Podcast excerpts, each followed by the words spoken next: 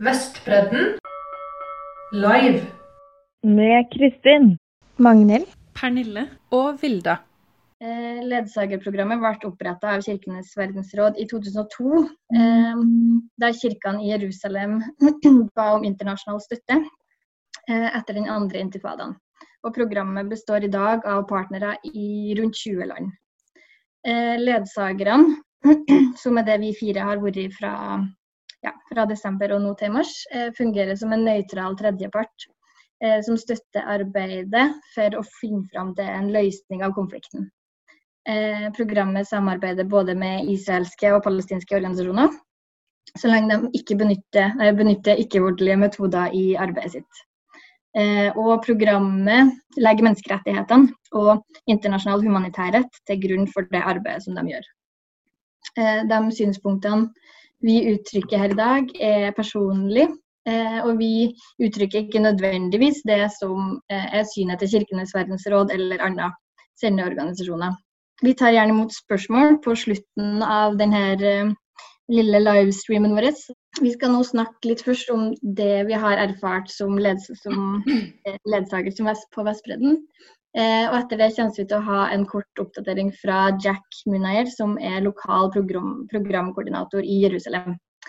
Ja, om hva, hva, som skjer nå, og hva som er oppdatering og status etter korona og eh, det som skjer.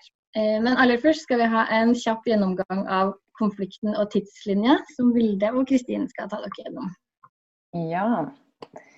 Eh, fokuset for eh, denne livestreamen er jo Vestbredden. Så her, for å starte med å zoome ut litt, så har vi et kart over eh, hvor eh, vi finner, befinner oss akkurat nå. Eh, her har vi vest, palestinske territorier i grønt, og Vestbredden er da her til venstre for Jordan eh, og høyre for Israel. Så her ser dere også de ulike stedene som vi har vært disse tre månedene. I Jerusalem og Jeriko og Betlehem og Tulkarem er nord på Vestbredden. da. Det er ikke Eh, plassert her på kartet. Eh, så på Vestbredden så bor det tre millioner palestinere. Eh, og her har dette området vært preget av mye konflikt helt siden andre verdenskrig og helt siden opprettelsen av den israelske stat i 1948. Eh, palestinerne lever under mye eh, ja, reiserestriksjoner. Eh, det er mye friksjoner mellom bo israelske bosettere og eh, palestinere, og mye militærposter som vi skal få et lite innblikk i i løpet av denne tiden vi er sammen. Og på Vestbredden, som også i Israel, så er det mye religiøse referansepunkt, som også gjør dette området til, til et veldig ettertraktet område og veldig sårbart for konflikt. Nå nå skal jeg og Vilde gi en liten innføring i eh, historien fra 1948 og frem til i dag. Så da gir jeg ordet over til eh, Vilde. Ja.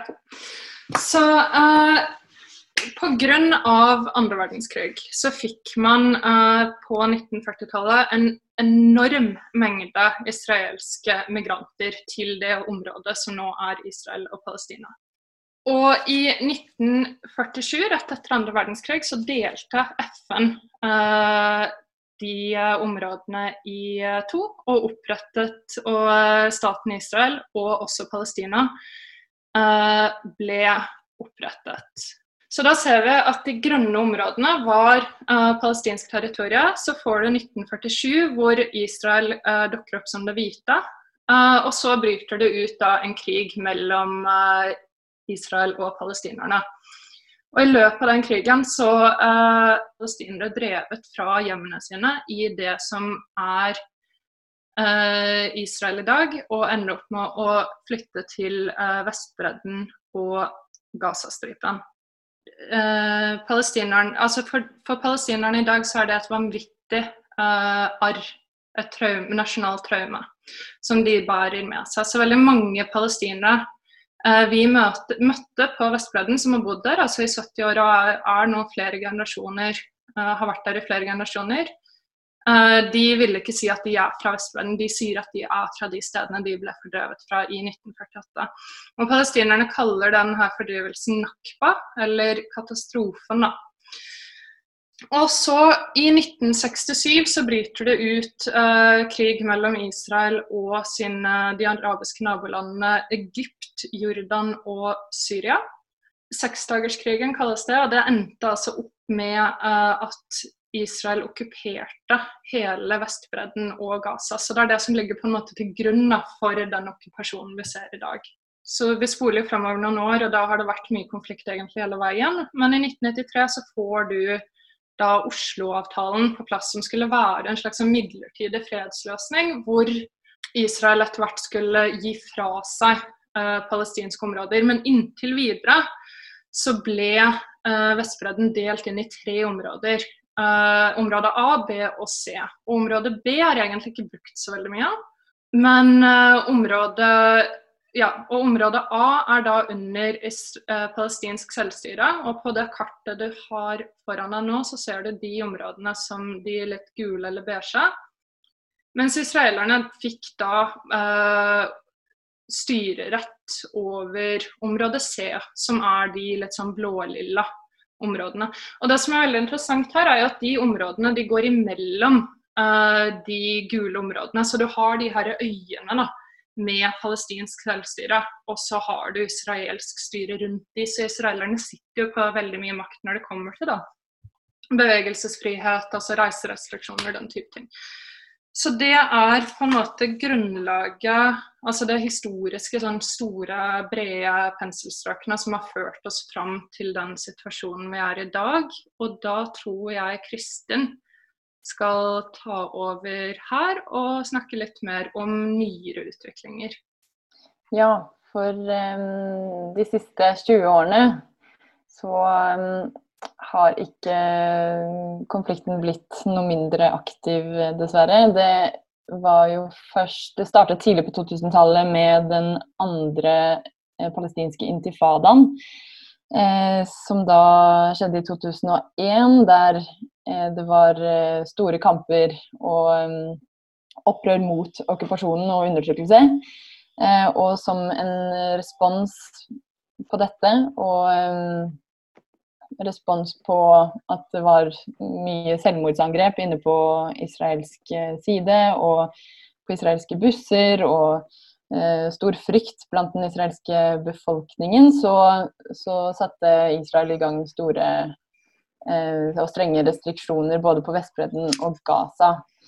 Eh, og dette gikk da særlig utover bevegelsesmønstrene til, eller bevegelsesfriheten til palestinerne. For i, allerede i 2002 så kom eller startet da byggingen av muren, som da ligger rundt grensene over eh, hele Vestbredden og, og Gaza. Og, eh, og, eh, det var ikke bare en mur som kom opp, men også på en måte reiserestriksjoner med checkpoints og med da ja, eh, at man må ha, eller palestinerne må ha tillatelse for å komme seg ut av Vestbredden for å enten jobbe eller benytte seg av helsetjenester, eller eh, ja, og bare reise inn til Jerusalem f.eks.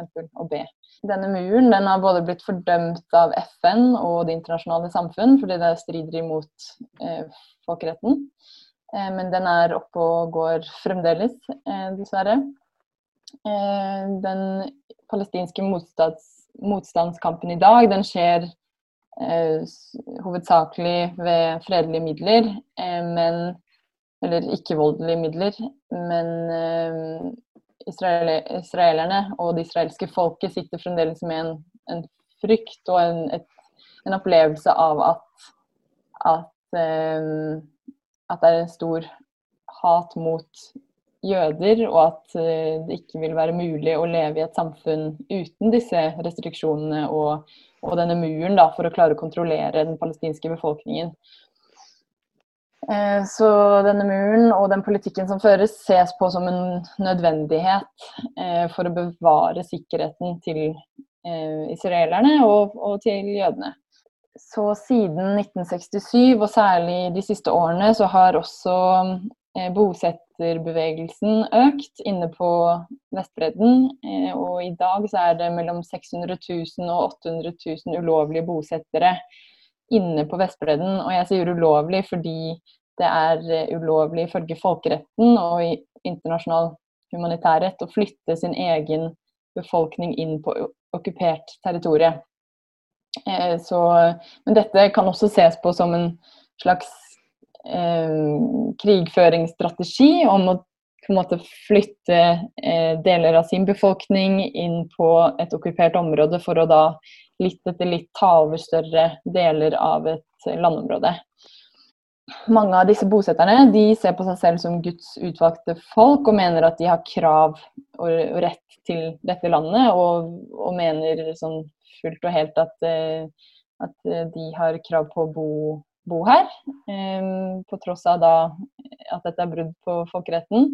Mens andre bosettere flytter eh, ut på Vestbredden fordi dette finansieres av den israelske stat, og de ofte kan få eh, billige lån, eller de kan få annen type kompensasjon for å flytte ut til disse områdene. Så det er både en ideologisk side ved det, men for veldig mange også en økonomisk fordel Eh, ved å flytte ut hit. Så um, har vi jo nå sett det siste året at det har vært stor og sterk støtte fra Det hvite hus til Israel og til israelske, den israelske okkupasjonen. Det har både vært flytting av den amerikanske ambassade fra Tel Aviv til Jerusalem, som førte til store opptøyer. og Eh, den såkalte fredsplanen, 'The Deal of the Century', som ble lansert i år. Som også har forverret situasjonen en del og gjør det, ja, gjør det ganske mye vanskeligere å se for seg en eh, løsning, eller en tostatsløsning, spesielt i nær fremtid.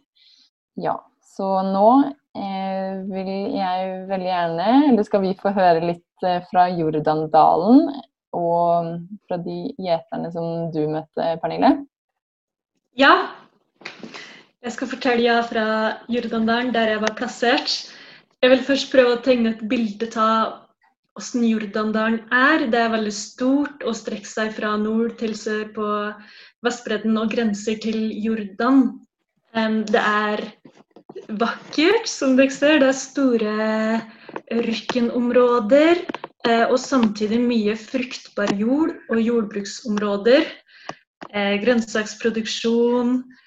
Eh, vi har jo Dødehavet i sør med mye mineraler. Men eh, størsteparten av befolkninga i Jordandalen bor i byen Jeriko. Eh, og ellers i dalen så bor det mye bønder, gjetere og beduiner. Og det er store beiteområder. Som dere ser her, er jeg ute med noen gjetere. Og de fjellene dere ser i bakgrunnen, det er Jordan. Og så er det store grøntarealer nede i dalen med Jordanelva som renner der. 85% av Jordandalen er område C. Eh, det er palestinsk land som er kontrollert av Israel. For pga. den fruktbare jorda og store ubebygde områder og grenseområdet til Jordan, så er Jordandalen veldig strategisk viktig for Israel. Og i Jordandalen så har Israel oppretta flere israelske bosetninger eh, og militærleirer. Minebelagt grenseområde. De utnytter mye av landbruksområdet til israelsk produksjon. Um, og de har oppretta naturreservater. Og det at Israel utnytter så mye av ressursene i Jordandalen og har flytta så stor befolkning inn på området, det skaper gnisninger. Og da vil jeg gjerne fortelle om eh, noen av gjetere som jeg var med. fordi tre ganger i Vikøa så møtte vi palestinske gjetere. Og vi var med dem mens de var ute og gjette, og var eh, en beskyttende tilstedeværelse. Og det var flere grunner til at de ville ha oss med. Det ene er at eh, de stadig opplever å bli trakassert av israelske bosettere mens de er ute og gjeter. Det er viktig å si at det er ikke alle israelske bosettere som trakasserer, men det er eh, nok til å kunne ødelegge gjetersamfunn. Og vi merka at etter den såkalte deal of the century, den her eh, såkalte fredsplanen til Netanyahu og Trump, så ble det med en gang mer trakassering fra bosettere mot gjetere. Og det fortalte gjetere om òg, at de merka at bosettere fikk sjøltillit av Netanyahu og av Trump, og um, krevde palestinske uh, områder. Jeg har et bilde fra en israelsk demonstrasjon i Jordandalen. Her er det israelske bosettere som mener at Jordandalen må bli israelsk, noe Netanyahu eh, har erklært at han ønsker å, gjøre, eh, å annektere Jordandalen og gjøre det til eh, Det her er bosettere som kanskje har eh, bodd i mange år i Jordandalen og har unger der, og som mener at eh, de har krav på landet. En annen grunn til at gjetere ville ha med oss som beskyttende tilstedeværelse, var at de ofte blir bedt om ta det israelske militæret og forlate sine egne private beiteområder, fordi Israel har erklært områdene som militære soner. Og gjetere opplevde at det var mindre sjanse for å bli oppsøkt av eh, israelsk militære hvis vi var med. Men dessverre så skjedde det òg mens vi var med. Her er et bilde fra en gang vi var ute med gjetere. Eh, og den dagen så var faktisk òg en fransk TV-kanal der og lagde reportasje fra gjetersamfunnet i Jordandalen. Eh, og så kom noen israelske bosettere i følge av eh, israelsk militære og ba oss forlate området. Her ser vi at eh, det ble krangling imellom dem, der militæret det er israelske bosettere, gjetere og TV. Det er flere som krever samme landområde. Palestinere som har dokumenter på at det her er deres kjøpte land, og israelere som mener at det landet her har de fått av Israel. Eh, og da står vi på stedet hvil. Men det jeg så, var at når palestinske beduin- og gjetersamfunn blir nekta tilgang til beiteområdet, Eh, så går det utover kulturen deres, som i stor grad er en gjetekultur. Og når dyra får ete mindre fra beiteområdet, så blir de tvunget til å kjøpe mat til dyra fra Israel. Og det går utover økonom økonomien deres. Og ungene deres blir sterkt prega av den israelske militære tilstedeværelsen og trakassering i det daglige livet. F.eks. møtte jeg søskenbarnet til disse, noen av disse gjeterne. Søskenbarnet deres bodde i byen fordi unga hans hadde blitt så slitne av konstant militær tilstedeværelse og trakassering, så han hadde gitt opp gjeterlivet og flyttet inn til byen. Og sånn ser vi en fordriving av det palestinske folket fra sitt landområde det mange palestinere sa til meg mens jeg var der, var at de vil at jeg skal ta med meg de historiene her til Norge og fortelle det videre og fortelle verden hva som skjer og hva palestinere blir utsatt for i det daglige livet. Så det er veldig fint å kunne være her med dere i dag og fortelle om det. Eh, men nå kan vi gjerne gå videre til Betlehem. Eh, Magnhild, det var sikkert flere du møtte i Betlehem som òg hadde lyst til å dele sine historier. Mm, eh, det har du helt rett i, vet du. Eh, det er jo noe som veldig mange nevnt, uansett om det var en lærer eller en, um, en bonde eller en ordfører vi snakka med, så er det jo det at folk er veldig redd for at verden skal glemme det som skjer på Vestbredden og på Gaza. Folk er veldig redd for at andre konflikter som er nyere eller eh, ja, mer aktuelle pga. andre årsaker, får mer oppmerksomhet. og derfor da at Palestina-Israel-konflikten skal få mindre oppmerksomhet, og at det derfor skal ta lengre tid eller ikke bli en, en løsning, da, som veldig mange håper at det kan bli. Men da er det jo klart at eh, det må få oppmerksomhet. Da tror jeg dere ser et bilde av muren i Betlehem. Veldig mange områder i, på Vestbredden er jo veldig påvirka av, eh, av, den muren, Betlehem inkludert. Særlig pga. at veldig mange eh, bor i områder utenfor eh, Betlehem der det ikke finnes veldig mye arbeidsplasser. Eh, så de må inn til Israel for å jobbe, typisk i eh, bygge, byggeindustrien. Og Da må de passere denne muren. Det er ett punkt der man kan passere denne muren eh, til fots som arbeider. Så Det er den ene grunnen til at denne muren lager en barriere. En annen grunn til at denne muren påvirker folk sitt liv i stor grad, er at flere landsbyer som ligger i Betlehem området ble delt av denne muren. Eh, så det er folk som enten har mista land, eller familier kan være på hver sin side av muren. Og som Kristin nevnte, så er det et veldig vanskelig system med å få tillatelse for å kan passere muren. Jeg tror det finnes over 100 forskjellige typer tillatelser for å kan, eh, kan, passere muren, og det er veldig vanskelig, i hvert fall for dem vi snakka med, å visste hvordan man kan få en tillatelse til å passere muren, eh, hvordan man skal gå fram, eh, eh, hvorfor man ikke får det. Det er jo veldig mange hundre tusen som, har, som ikke har mulighet til å få en sånn tillatelse, og ikke vet hvorfor. Um, så Sånn ser den muren ut inni Betlehem. da, Litt mindre dekorativ når man kommer utenfor byen, men det er mye spennende på den akkurat uh, inne byen.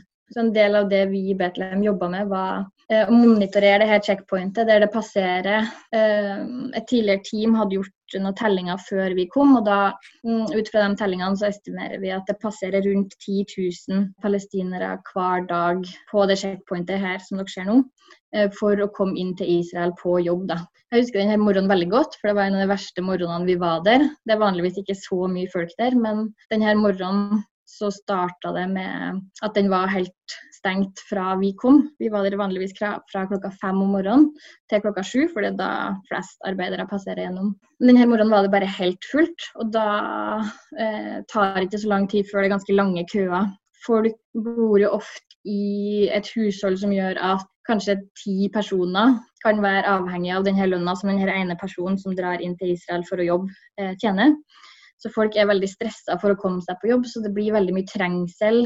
Jeg har òg inntrykk av at det er ganske strengt med arbeidsgiverne. Mange av dem vi prata med mens vi sto her, eh, drev og ringte til arbeidsgiverne sine som ventet, eller hadde busser som venta på andre sida av muren. Eh, og fikk beskjed om at hvis dere ikke er inne et kvarter eller stikker er innenfor den og den tida, så drar vi, og da får ikke personen lønn den dagen. Da. Det er veldig mye uforutsigbarhet. Man vet ikke helt eh, når det tar to timer å passere, og når, eh, når det går fort å passere. Så det er òg en ting å leve under okkupasjonen i Betlehem, da, den usikkerheten med å ikke vite hvor lang tid det tar, og om man får lønnen den dagen, og hvor mye man får i lønn den måneden. Nå er det jo for så vidt med korona helt stengt. Eh, det er ingen av de arbeiderne som bruker å få lønn fra den sektoren, som får det.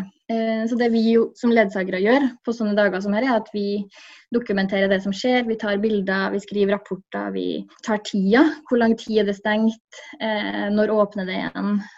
Og hvis noen har hørt noen grunner til at det har blitt stengt eller eh, kan gi noe kontekst, så dokumenterer vi det. Og så sender vi det i rapporter rundt til samarbeidsorganisasjoner av, eh, av programmet. Særlig ja, f.eks.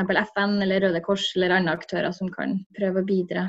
Ja. En annen ting vi jobber mye med, som er veldig relevant i Betlehem, eh, særlig fordi at Betlehem ligger så nært eh, grensa til eh, Jerusalem, er det med husrivninger. Eh, her ser dere et hus som er revet. Dette var dagen etterpå. De hadde kommet i tretida på natta. Veldig vanlig at husrivninger skjer på natta. Så vi snakka med Leila, som var mora til hun eh, kvinna som bodde i, i, det huset. her. Hun hadde en ektemann og to barn, og de bor nå alle hjemme hos mora hennes. da. Det er oliventre og eh, mandeltre, det dere ser bak her, de er ikke revet. Det er òg noe som ofte blir, eh, blir revet eh, av eh, israelske militære. Så her også dokumenterer vi hva som har skjedd, og sender det videre til organisasjoner for at de kan prøve å skaffe bistand til de her folkene som da befinner seg uten en plass å bo. da. Ja, I tillegg til det så er også Betlehem veldig påvirka av eh, at uh, ja, Sånn som Pernille nevnte, så ligger jo veldig mye av Jordandalen i område C. Uh, det gjør òg veldig mye av Betlehem, som gjør at man ofte har et større, større tilstedeværelse av militære på skoler f.eks. Så da eh, var vi beskyttende tilstedeværelse der. For å runde av mine bilder med noe fint, så det er noe av det jeg tror jeg syns var finest med å være i Betlehem, var at vi hadde veldig mange lærere og rektorer som var veldig takknemlige for at vi var der. Både fordi at de tenker at det er litt mindre sannsynlig at det skjer stammenstøt mellom soldater og elever hvis det er internasjonale til stede, men òg fordi at de, jobber, de legger ned veldig mye jobb. Det er en veldig annerledes jobb å være lærer og rektor i, eh, på Vestbredden enn det det er f.eks. i Norge. Um, du følger alltid litt med de soldatene som står nede i veien og lurer på om de skal komme til skolen, og du føler med at eh, det ikke er spenninger mellom soldatene og elevene, og er litt på vakt, sånn at du kan kjappe deg ut og prøve å stoppe det hvis noe skulle skje. Og de syntes det var veldig fint å ha og vite at det er folk rundt i verden som fortsatt vet, vet at det er ting som skjer på Vestbredden, selv om det ikke er noe som er i internasjonale nyheter hele tida. Synes at det var en, en, veldig bra ting som de mente at støtta opp under den jobben som de gjør hver dag. Mm. Eh, apropos det bildet her og husrivninga, så var jo det noe som du òg jobba en del med i eh, Jerusalem, Kristin. Kanskje du vil fortelle litt mer om det?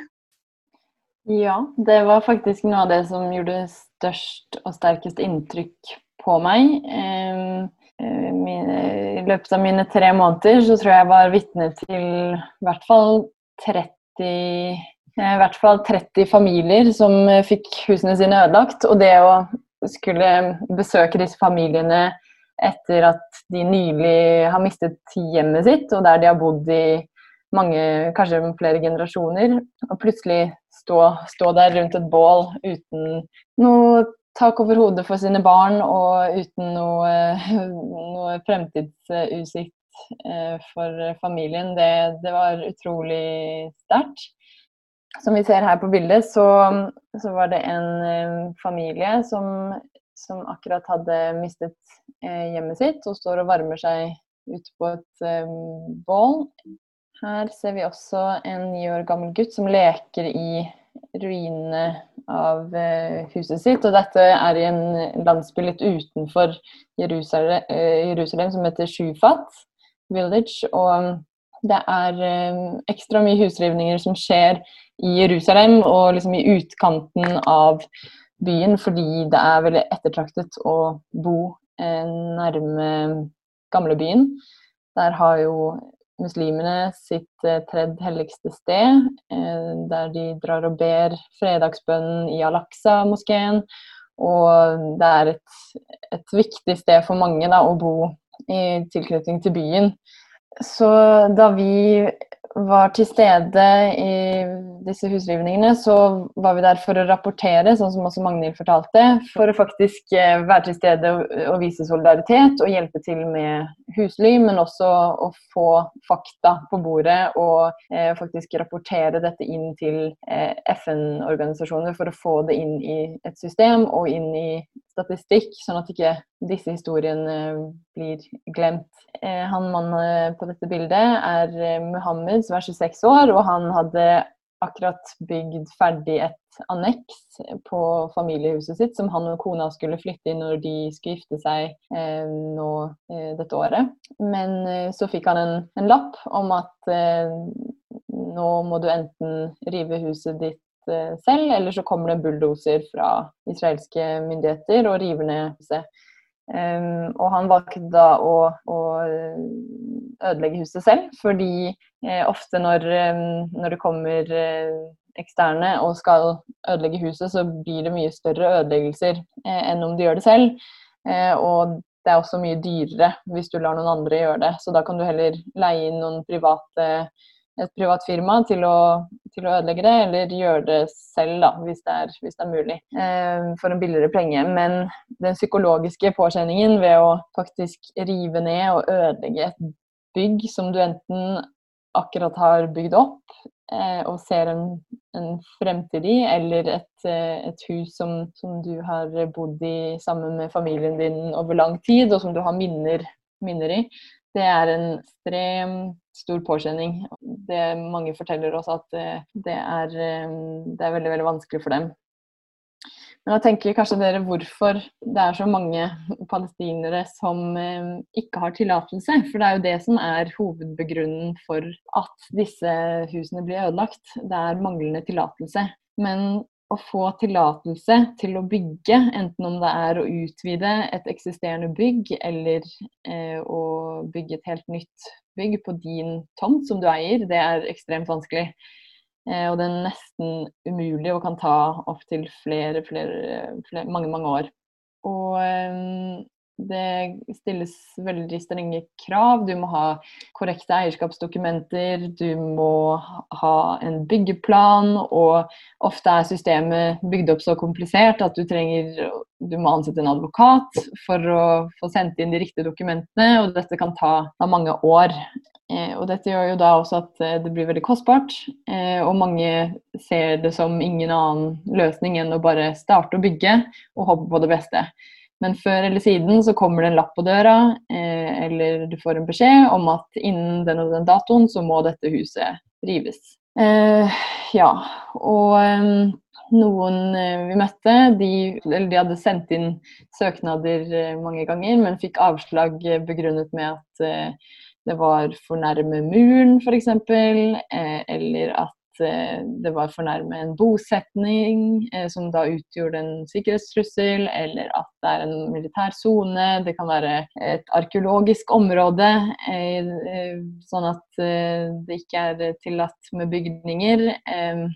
Men det ironiske og det kanskje mest frustrerende med, med disse avslagene, er at eh, nabohuset kan, som da består av en israelsk bosetterfamilie, kan eh, få en tillatelse på, på, helt andre grunnlag. Så her er det ulike regler som også gjelder, og den følelsen av på en måte å bli diskriminert og undertrykket og, eh, og ikke bli behandlet på samme måte som andre mennesker, det er den frustrasjonen som, eh, som ligger på en måte dypt i mange av de menneskene vi møtte. Eh, og det var også veldig frustrerende for min del å se at vanlige mennesker som prøvde å leve et vanlig liv, eh, som ikke hadde noen intensjon om å, om å skade noen eller utgjøre en sikkerhetstrussel, men at, men at de faktisk eh, får livsgrunnlaget sitt ødelagt eh, og blir behandlet så urettferdig.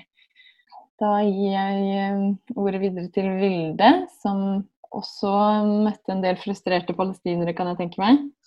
Ja, eh, for det er interessant det du sier om på en måte den frustrasjonen. Fordi at jeg opplevde når vi ble Altså når vi reiste til Vestbredden, var Altså, altså, Det er vanskelig å sette litt sånn ord på det, men jeg følte liksom at det ble slengt litt sånn inn i en sånn herre kafkaesk labyrint som det ikke finnes noen utgang på. Altså du, det er bare et sånn her virvar av byråkrati. Da.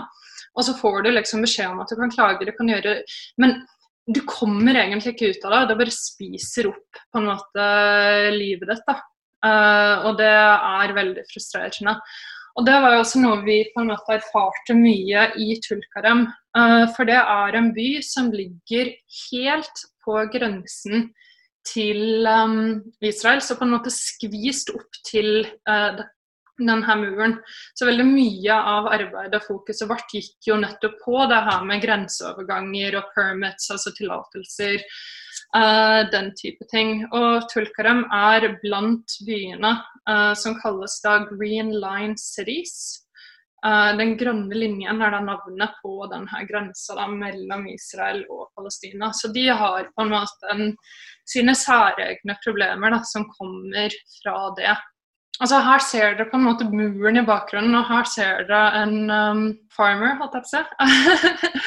uh, Fayez Tanib, som vi uh, besøkte, uh, som drev gård helt opp til uh, den muren. Så når de bygde den på tidlig 2000-tallet, så bare skar den gjennom alt mulig av på en måte jordbruksområder og boligområder. Og i denne byen Kalkylia, da, som er en ganske stor, stor by sør for Tulkaren, så, så ligger muren liksom helt, helt rundt uh, den byen. De har en saying at du kan aldri gå deg vill i kalkylet. fordi hvis du går fire kilometer uansett hvilken retning omtrent, så kommer du til den muren. For det er liksom bare en sånn flaskehals å komme ut av. Um, men det som også er veldig interessant, er jo det at man ville tro at en grensemur lå på grensen. Og det gjør den jo i stor grad ikke. Spesielt ikke oppe på, uh, i Tulkarem og Kalkylia-området. Der er den faktisk bygd ganske langt inn i uh, palestinsk territorium. Um, israelerne hevder at det på en måte er ut av sikkerhetshensyn, og sånne ting, men på en måte snirkler det seg da rundt en del av de her bosetningene, rundt områder som er spesielt fine jordbruksområder, den type ting. Så da ender du med en situasjon med masse palestinsk territorium faktisk på utsiden av denne grensemuren.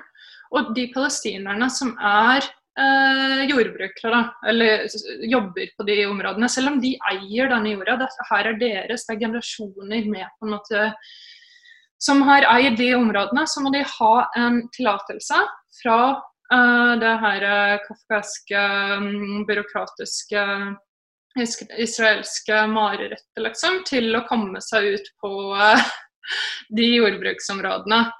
Og da er det en serie porter langs grensen. Uh, så vi var på de her portene. da. Her er Hanna som jeg jobber med.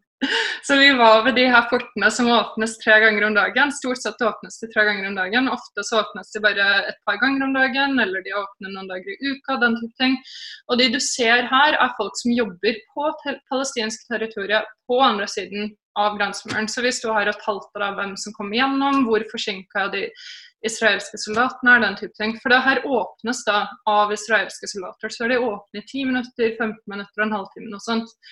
Men stort sett, stort sett så er de israelske soldatene alltid forsinka. Så over tid så har jo de altså Det blir noe sånn vanvittige kostnader for enkeltmenneskene som påvirkes av det her. For det er alltid forsinka. Du kan ikke planlegge noen ting. Du kan ikke dra dit når det passer deg.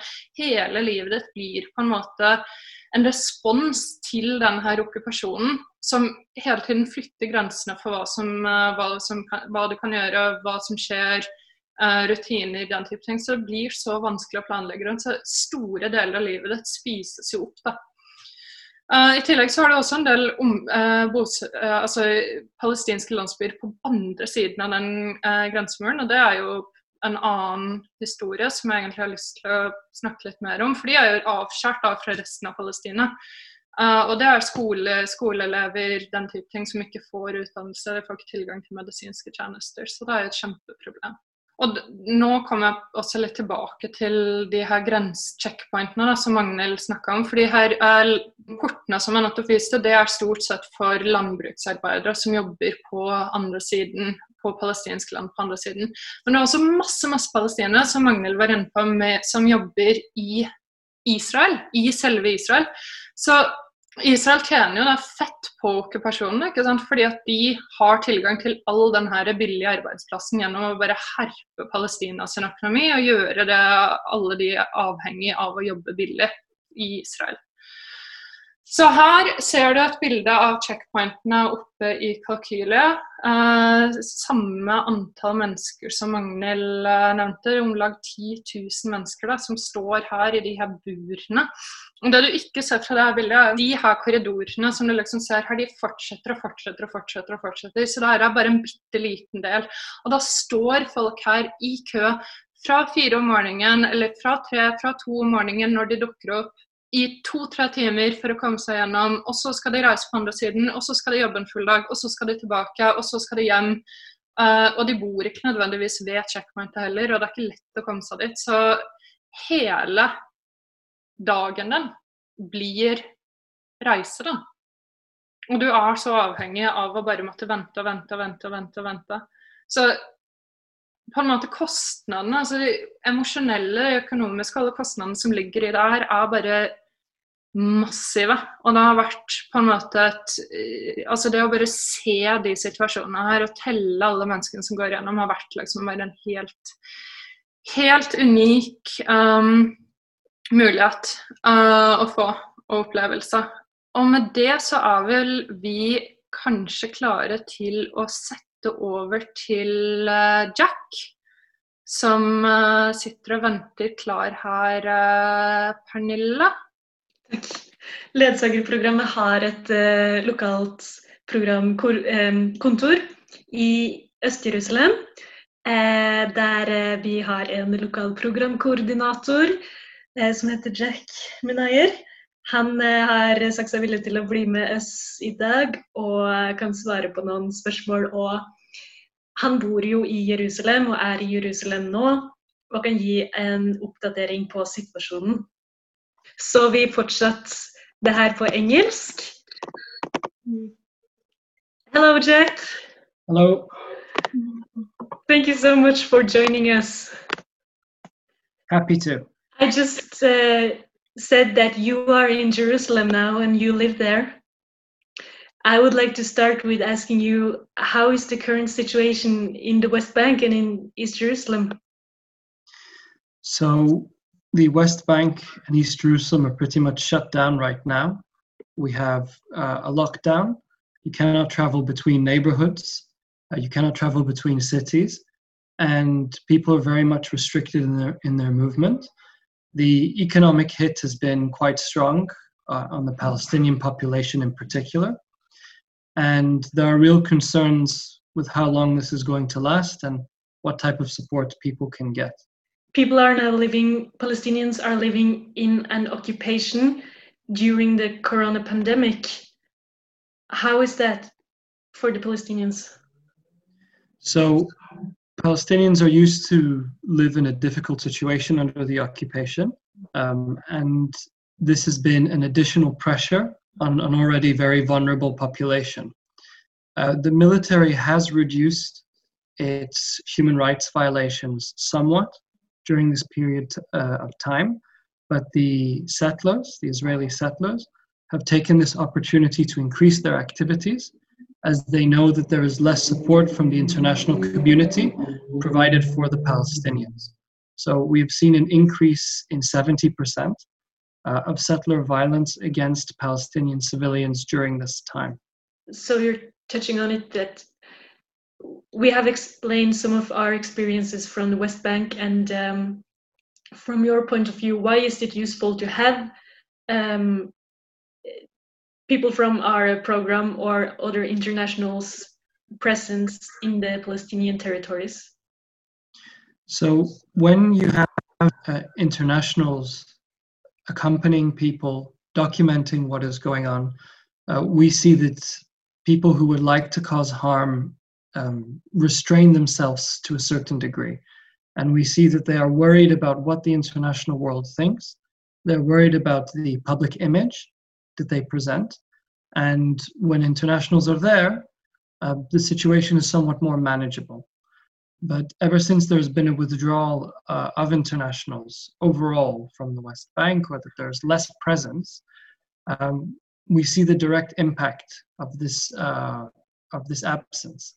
Uh, in particular, we see, uh, as mentioned, the 70% increase.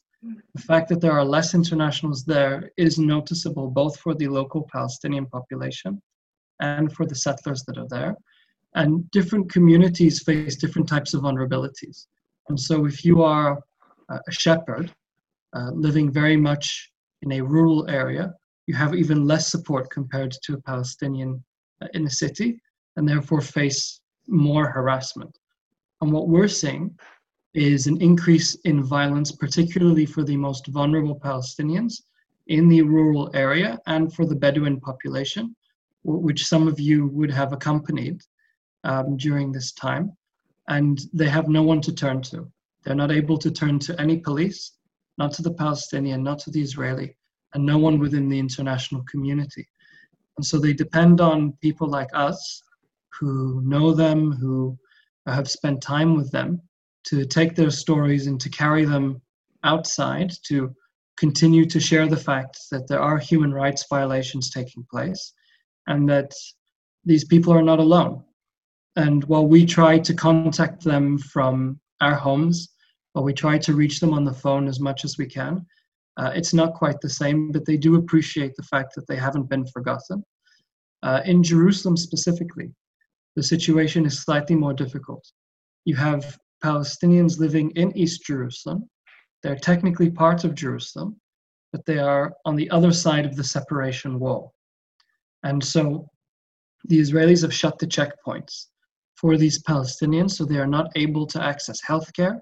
they're not able to access uh, families, and they're very much stuck.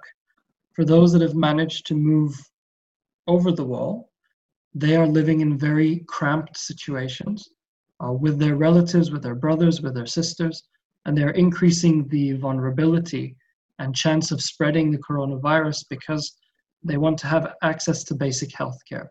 So these are just some examples of the challenges that uh, Palestinians are facing at the moment.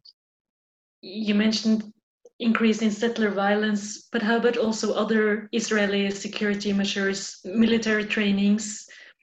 Does the fact that there are less international presence in the country does it impact the level of activity of the Israeli security forces? So there is a reduction in activity overall, but the activity is still quite severe. Just to give you an example of this, in the north of the Jordan Valley, uh, where you had visited uh, Pernilla on a number of different occasions, uh, there was an attempt to build a, a coronavirus medical center, just a number of tents to treat people and the Israeli military came and confiscated everything. Uh, these tents weren't a threat for anyone. They were built on Palestinian land. They were there to try and tackle the coronavirus, which is a global issue. It doesn't discriminate between Israelis and Palestinians. Yet this was confiscated by the Israeli military. And so the few measures that Palestinians are trying to use are being denied for them by Israeli military. Uh, we still have issues of access to land where Palestinian farmers, for example, are not able to access their agricultural land. Um, and we continue to see demolitions of Palestinian property, even though it was announced that this would stop. Uh, unfortunately, the Israeli military is not complying with their own announcement, and we still continue to see demolitions. Thank you. It doesn't seem too humane to tear down uh, the hospital or health center. I want to see, did we get any questions from our audience to Jack? We have um, one which asks, how does the healthcare cope, or I assume it's for Jack, um, how does the healthcare cope now during the COVID-19 pandemic in both the West Bank and in East Jerusalem? So the Palestinian health care system is very, very poor. It's not very advanced. And so immediately when it's it seemed that the virus was spreading, the West Bank was put on almost a complete uh, shutdown. The shutdown was because the health system can only handle very few cases at a time. This has been largely successful uh, for the Palestinian population. However, it's under huge pressure uh, because, in order for the medical uh, tests and the medical assistance to reach different Palestinians, they have to go through Israeli checkpoints where they get stopped, they get delayed, and in some cases they get turned away. And so, what should be a routine check can take days in order to find um, in order to, to find the results of whether you have the virus or not. Um, as I've said, in some rural areas that are more vulnerable, attempts to build and to establish medical centers have been denied by the military. Uh, in East Jerusalem, they are under the Israeli system. However, the Israeli system only today, for the first time, has sent testers to East Jerusalem. In other words, we are now in the middle of April in a situation that has existed for almost two months in Jerusalem, and there haven't been any medical tests for the Palestinians in East Jerusalem, but they have been abundant for those in West Jerusalem. Uh, furthermore, the, all the instructions that the Israeli government gives are given in Hebrew. They are not translated into Arabic uh, for a very, very long time. And so people feel very worried because they don't know which instructions to follow. And it means that a lot of fake news is spread in social media. And so at the moment, the healthcare systems are coping, but only because of the severe restrictions and um, the um, the real impressive, I think, uh, discipline of the Palestinian people to follow the instructions of social distancing. The problem is for many Palestinians, so if we gave an example of a settler harassment, uh, the Palestinians will keep the distancing, they will stay in their homes, but settlers will enter their village and damage their cars, or they will attack their sheep, their flocks. And this increases the chance of being exposed to people because they are not respecting this, uh, this distancing. Thank you, Jack. We got another question that's are the Israeli military courts open now during the coronavirus situation? So the courts have been pretty much put on a standstill. Um, the unfortunate situation with the current justice system that we have is that a number of Palestinian prisoners have been infected by Israeli police interrogators, and they have not been given any assistance in this situation. In other words, the coronavirus has entered the Palestinian prisons, or where Palestinian prisoners are, uh, through the Israeli forces, but without much help. The court systems have pretty much uh, slowed down, but we still continue to see clashes and detention uh, by uh, Israeli soldiers. And uh, I think we got another question from Hannah. Uh, she's asking now, what is the situation like in the seam zone? So those are the communities I briefly mentioned earlier who are trapped on the other side of the border wall to Israel. So the, those that have been able to sort of escape and live with friends and uh, family have done so. And so we could easily have a situation where you have um, a house that fits three or four people, housing 12 to 10 people in very uh, tight situations. Uh, the other thing is that many of these Palestinians depend on agricultural and uh, shepherding work, which is no longer possible as pretty much all the checkpoints have been shut. Um, there are restrictions also by the Palestinian Authority that stop these people from moving back and forth, but it is the geographic and physical fragmentation of the West Bank that is really um, making life very difficult for Palestinians from being able to have the freedom of movement with accessing their property and accessing adequate health care. And um, I was actually hoping, so I have a question. Um, I've been following a few uh, Palestinian news outlets after leaving. And um, one of the things I've been kind of seeing now and also on WhatsApp is um, the um, kind of rumors spreading or pictures being taken of uh, Israeli soldiers like spitting on Palestinians or, you know, deliberately infecting Palestinians with COVID 19 virus. And hmm. uh, to what extent do you think these kind of is there any truth in these rumors? Um, I'm I'm not familiar with any attempts to intentionally infect people, but you have Israeli soldiers who continue to um, go into Palestinian villages, into Palestinian towns next to Palestinian schools, and continue to arrest people without adequate protective gear. Um, they continue to operate without taking the appropriate physical distancing measures. And this has increased uh, the possibility of Palestinians to be infected with the virus. I gave the example of the, the Palestinian prisoners.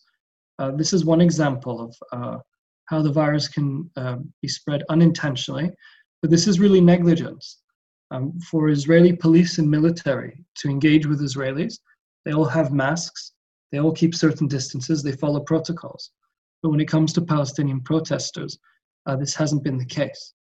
Um, particularly in East Jerusalem, if we take the neighborhood of uh, for example, they've continued to uh, detain, physically detain, to break up protests, even if the protests are keeping uh, the two meter physical distance from each other.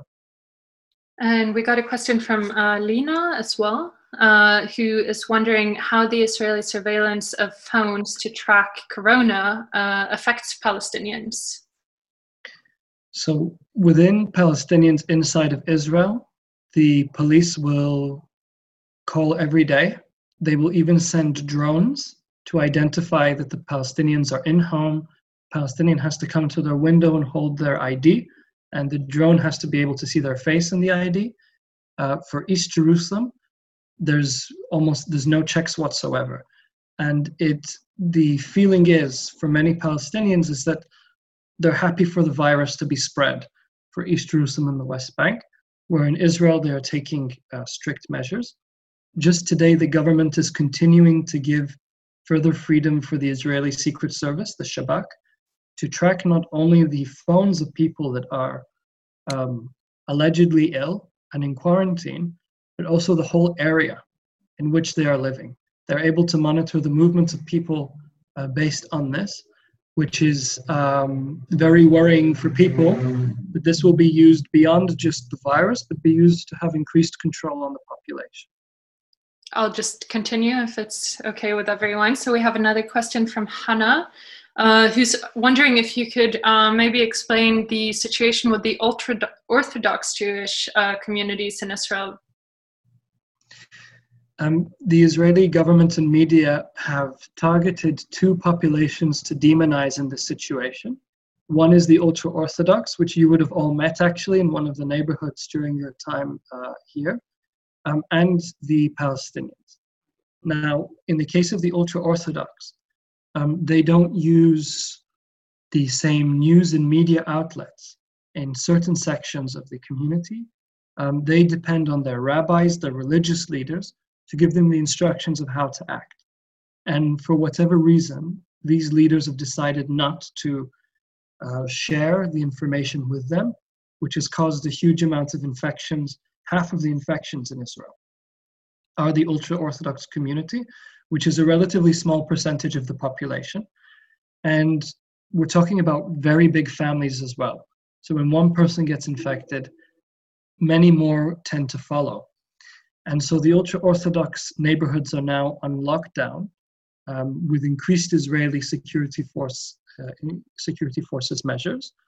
And just to give you the contrast a little bit, um, when the coronavirus started spreading in Israel and Palestine, all the churches and all the mosques shut immediately, but the synagogues stayed open. And about a quarter of all the infections were spread through synagogues. And so the ultra Orthodox are faced in a very difficult situation as um, their communities are very densely populated, similar to the Palestinian, very big families, similar to the Palestinian, but they are not able to take the same measures as the rest of the country has been able to take so far. So yeah, a question for myself is: um, Has there been an increase in um, kind of military crackdowns or uh, non-related, non-corona-related violence from the Israeli uh, military forces towards the Palestinians? Uh, we've heard from some uh, from various sources that um, tensions have escalated during demonstrations uh, more people are getting injured, this sort of thing. Like, what's your impression of the situation? I think that with any clashes that are taking place, with any crackdowns that are being taken by the military, the methods that are being used are more severe than we are used to. And the methods that we are used to are quite severe anyway when we talk about uh, live ammunition, tear gas, uh, skunk water, um, sound bombs, and we're seeing that soldiers are feeling again freer to act in more extreme ways because internationals are not there to report on their behavior. They're not there to document and record what is going on. And therefore, this is almost a golden opportunity to push things a little bit further. Um, with the military's assistance, we see new settlement establishments at this time on Palestinian land. This is done because uh, people like yourselves are not there to document and be a small protection perhaps, but a protection nonetheless from um, the stealing of property and the severe violation of human rights. Okay, well, I'm very, very sorry to hear about that. I think um, we don't have any more questions in our um, comment section here. Um, do Pernille, Kristen, Magnhild, do you have anything, any more questions for Jack before, before we let you go? Thank you so much for joining us. Mm. It's, it's my pleasure. Uh, have you been able to show perhaps a map of the of the Green Line for East Jerusalem? Uh, not for East Jerusalem. We showed a uh, kind of overview of the Green Line and the current borders of the West Bank and Israel, but uh, nothing specifically for Jerusalem right now, just because we're covering a lot of things. But this is something we're hoping we can get back to in our um, next next uh, live uh, live video broadcast. There's something that I, I'd forgotten to mention, but just is really important to understand. May I share perhaps on the screen just a map of East Jerusalem. Is that all right? Yeah, Mm. absolutely. So um, people tend to think that the West Bank and Jerusalem are very separate. Um, but a lot of the Palestinians who are from Jerusalem, places like Bethlehem down here, um, they might live uh, here in the areas around. And this line here is the separation barrier. So actually, what we're seeing is Palestinians who would normally live and work uh, in East Jerusalem are cut off on this side of the wall. So when I think about people who are not able to access their land, their families, these are the populations that I'm talking about. They live in these areas here. Now, you have areas like this, Kufar Akab, all the way up here in the north. This is one of the areas that I was discussing that is technically part of Jerusalem, cut off wall. In other words, the people here pay their taxes, um, they pay their insurances, they should get all the services that um, any Jerusalem resident should get, but they're cut off from health services, they're cut off from ambulances, they're cut off from police, they're completely isolated. And so we see a huge amount of the population moving in to uh, Jerusalem in order to avoid this cutoff. And this is why I'm talking that the situation right now in the West Bank and East Jerusalem is in a lockdown. But if we are not able to see a relaxation of the harsh measurements that are being used by the Israeli government, the population is going to face increasingly more difficult uh, times. Uh, they're able to back and forth from the areas that they live with the property that they own and adequate. So sorry, I just realized that I'd forgotten to share this aspect of, of the geography. And I want to thank you um, for, for hosting this. Thank you for raising awareness and carrying the stories and the difficult situation we have here. And of course, thank you for all your listeners who uh, have patiently uh, uh, listened to me for the past uh, 10 to 15 minutes. Thank you so much, uh, Jack, for joining us. That was incredibly informative and uh, great to see you again. Uh, so uh, hopefully we'll have another catch up in uh, not too long. Take care, everybody. You too. Thank you. Hei. Thank you. Bye bye. Så da tror jeg vi har hatt ett spørsmål eh, eh, Bare som har sett, så var det bare ett annet spørsmål som har kommet inn. Det var fra Katrine. Eh, men jeg har mista det på skjermen min. Kanskje du ser det bildet? Ja, jeg har det her. På om eh, de israelske soldatene vi hadde noe å gjøre med, eh, var eh, respektfulle. Eller møtte oss med respekt, eller behandlet oss med respekt når vi var ute og, og gjorde de aktivitetene vi holdt på med. Mm, jeg kan jo godt starte litt med um, Betlehem. Vi møtte jo oftest, eller de gangene vi oftest med soldatene, var når vi var beskyttende tilstedeværelse på skolen.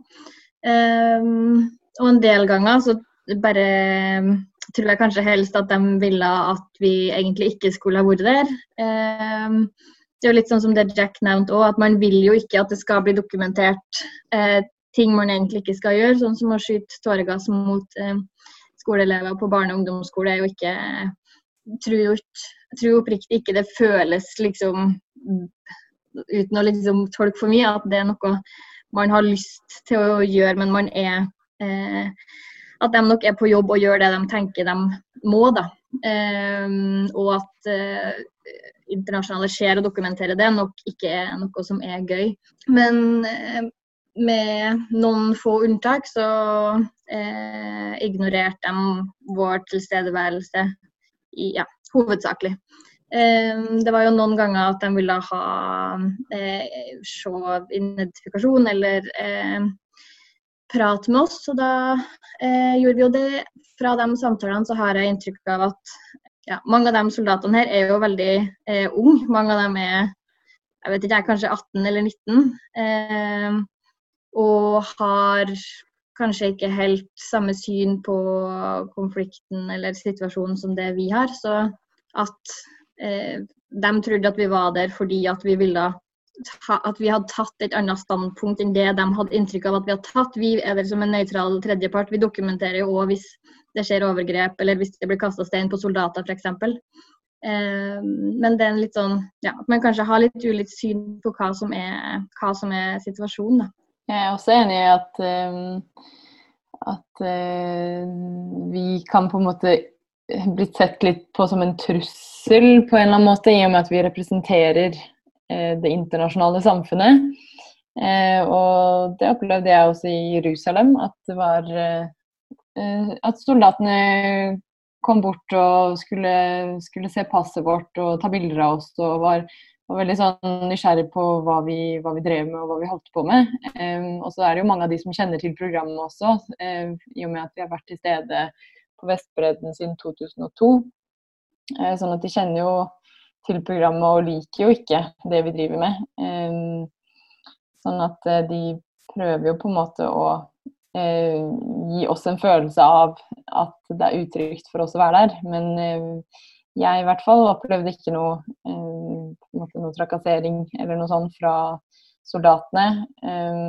Men deres mandat, spesielt liksom i området C eller utenfor Jerusalem, da, er jo på en måte å beskytte eh, bosetterne, eller beskytte israelerne. Og det innebærer også på en måte at det, alle andre blir Eller alle som på en måte er en trussel i deres øyne, da, eh, blir da fienden. Eh, og det at vi da er der og rapporterer, er jo ikke noe, noe de liker. Ja, vi møtte jo mye soldater egentlig hver morgen på de her grenseovergangene. Uh, og vi ble møtt med jeg tror uh, beskrivelsen er på en måte en blanding av indignasjon og overraskelse. en del av de vi møtte, de skjønte rett og slett ikke hvorfor vi var der. Og så var det en del som på en måte åpenbart mente at altså, Det virka nesten som de tok litt personlig at vi var der, da. men når det gjelder til om vi på en måte ble møtt med respekt, så eh, vil jeg si at en del av de vi møtte, eh, de unge soldatene, og spesielt de veldig unge soldatene, de hadde de, altså de opptatt med egentlig ganske manglende respekt for noe som helst. Uh, de sto og lekte mye, de sang, de tok selfies, de løp rundt i ring, dytta hverandre, flørta med hverandre. Lata som de skulle skyte hverandre i hodet med maskingeværene sine, den type ting. da. Uh, så det var på en måte mye tull og tøys. og Jeg ble veldig overraska over at det her bildet jeg hadde av liksom IDF som en litt sånn ja, altså flink her, da, var veldig annerledes enn det jeg møtte på bakken, hvor de liksom altså mista hjelmene sine og dukka opp for sent og blasta sånn her uh, hebraisk rappmusikk fra bilene sine og dytta til hverandre og sånne ting. da så jeg vil ikke si at vi på en måte opplevde det som veldig truende, men kanskje heller litt sånn fjollete, da. Ja, er vel mitt, mitt inntrykk. Hva med deg, Pernille? Har du noen tanker om det, eller? Ja, jeg kan inndele litt fra da vi møtte både bosettere og soldater ute på beite. For da syns jeg det var interessant åssen eh, det virka som at det var de israelske bosettere som hadde kontrollen, og som var der for å jage bort gjetere eh, og for å kreve landområder. Mens det israelske, eller de soldata eh, Da hadde jeg mer inntrykk av at de bare var sendt ut på post, de skulle bare gjøre en jobb. De brydde seg ikke så mye om det her. Kanskje til og med syntes at de israelske bosettere dro det litt langt og ikke oppført seg sånn som de burde. Men at det er jobben deres å beskytte bosettere, og, og, det er det. Så det var interessant å se åssen det egentlig virka som at de israelske bosettere hadde litt makt, eller at det var de som styrte showet. Mm. Eh, så har vi et spørsmål eh, om hvor dyrkes meste av maten i Palestina. Dyrkes mye i Jordandalen. Eh, hva skjer når Israel tar mye av i jorden? Um, det meste av grønnsaker som blir dyrka i Palestina, blir dyrka i Jordandalen. Og så blir jo store landområder ja, tatt av Israel, og de bruker det til å dyrke mye frukt. Og selger det og tjener penger på det.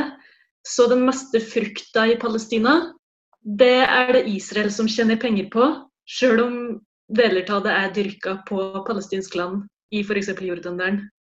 Um, og så er det jo noe, jeg kan nevne noe med tilgang til vann, som er et veldig stort problem uh, i hvert fall i Jordandalen, at Israel òg har tatt kontrollen over uh, store deler av vannet i Jordandalen, som gjør det vanskelig for palestinere å dyrke uh, noe som helst. Mens Israel bruker det her vannet på deres jordområder, eller eh, områder som de har tatt fra palestinere, bruker det vannet som de har tatt kontroll over inne i, på Vestbredden, og dyrker hva som helst, og har store drivhus og har store produksjoner inne i Jordandalen. Kan jeg bare legge til at eh, jevnt over på eh, rundt og på Vestbredden så er det jo veldig mange eh, småskalabønder òg, som typisk har kanskje en lapp med noen oliventre eller eh, eh, mandeltre eller andre ting som er Um, ja, som bidrar til litt sjølberging, men også kanskje man kan selge litt på markedet. Uh, og Det som skjer når Israel tar uh, litt av jorda da, for det er jo ofte særlig dem som er i område C, som vi nevnte, uh, opplever jo at på samme nivå som at hus blir revet, så blir jo oliventrær revet. Eh, de kan jo være flere hundre år gamle, og så blir ikke de bare revet, men de blir også gravd ned eh, med gravemaskin, sånn at man ikke kan plante dem igjen. Det som skjer da, er jo at folk mister ei eh, inntekt, eh, som kan være veldig viktig for mange, særlig de som er småskalabønder. Eh, men det er òg ofte ja, sånn at man mister litt og litt av jorda. Hvis eh, eh, oliventrær har blitt revet, så det, kan det komme en bosetter og begynne å plante noe nytt der. Og så tar det kanskje litt av den jordlappen, og så er det en sånn prosess som bidrar til at man også, over tid da, kan miste, miste, jord som eh, familien har hatt i slekta i, i generasjoner. Da. Så var det et spørsmål her om eh, palestinerne får erstatning der, dersom husene deres rives. Og har eh, de eh, dokumentene i orden? Har de en tillatelse til å, å bygge i utgangspunktet, og har eier jorda si og har gjort alt på lovlig måte, og det f.eks. skal bygges en vei eller, eller en turistattraksjon eller en nå rett utenfor um, Jerusalem, sånn helt nærme, eller Jerusalems gamle by, helt nærme tett på muren, så eh, er det et område der de skal lage liksom en svær turistattraksjon eh, i eh, gamle Davids hage. Og der skal de lage en cable car eh, og eh, ha noen sånn kameler og mye fancy greier. Og da, eh, da når de bygger på den måten, så får palestinerne kompensasjon. Men problemet er at de fleste husene som rives, ikke har eh, tillatelse til å bygge. Eh, og dermed så er det ingen erstatning eller kompensasjon, heller eh, en stor bot, da. Eller en Du må både betale bot frem til bygget rives, eh, men også så kan det koste opp mot ja, opp mot 100 000 med, eh, for å få betalt eh, bulldoser og alt eh, ja, for å rive huset og fjerne massene. Da var det ingen flere spørsmål, så vidt jeg har sett. Eh, sykt hyggelig at eh, så mange kom og var med. Eh, og supergøy med spørsmål. Tusen takk for det. Mm. Eh, som Vilde nevnt, så snakkes vi kanskje forhåpentligvis på en framtidig eh, type livestreaming-event eh, i tida som kommer. ja. Så tusen takk for oss, og ha det bra. Ja. Ha det bra. Tusen takk. Ha det bra.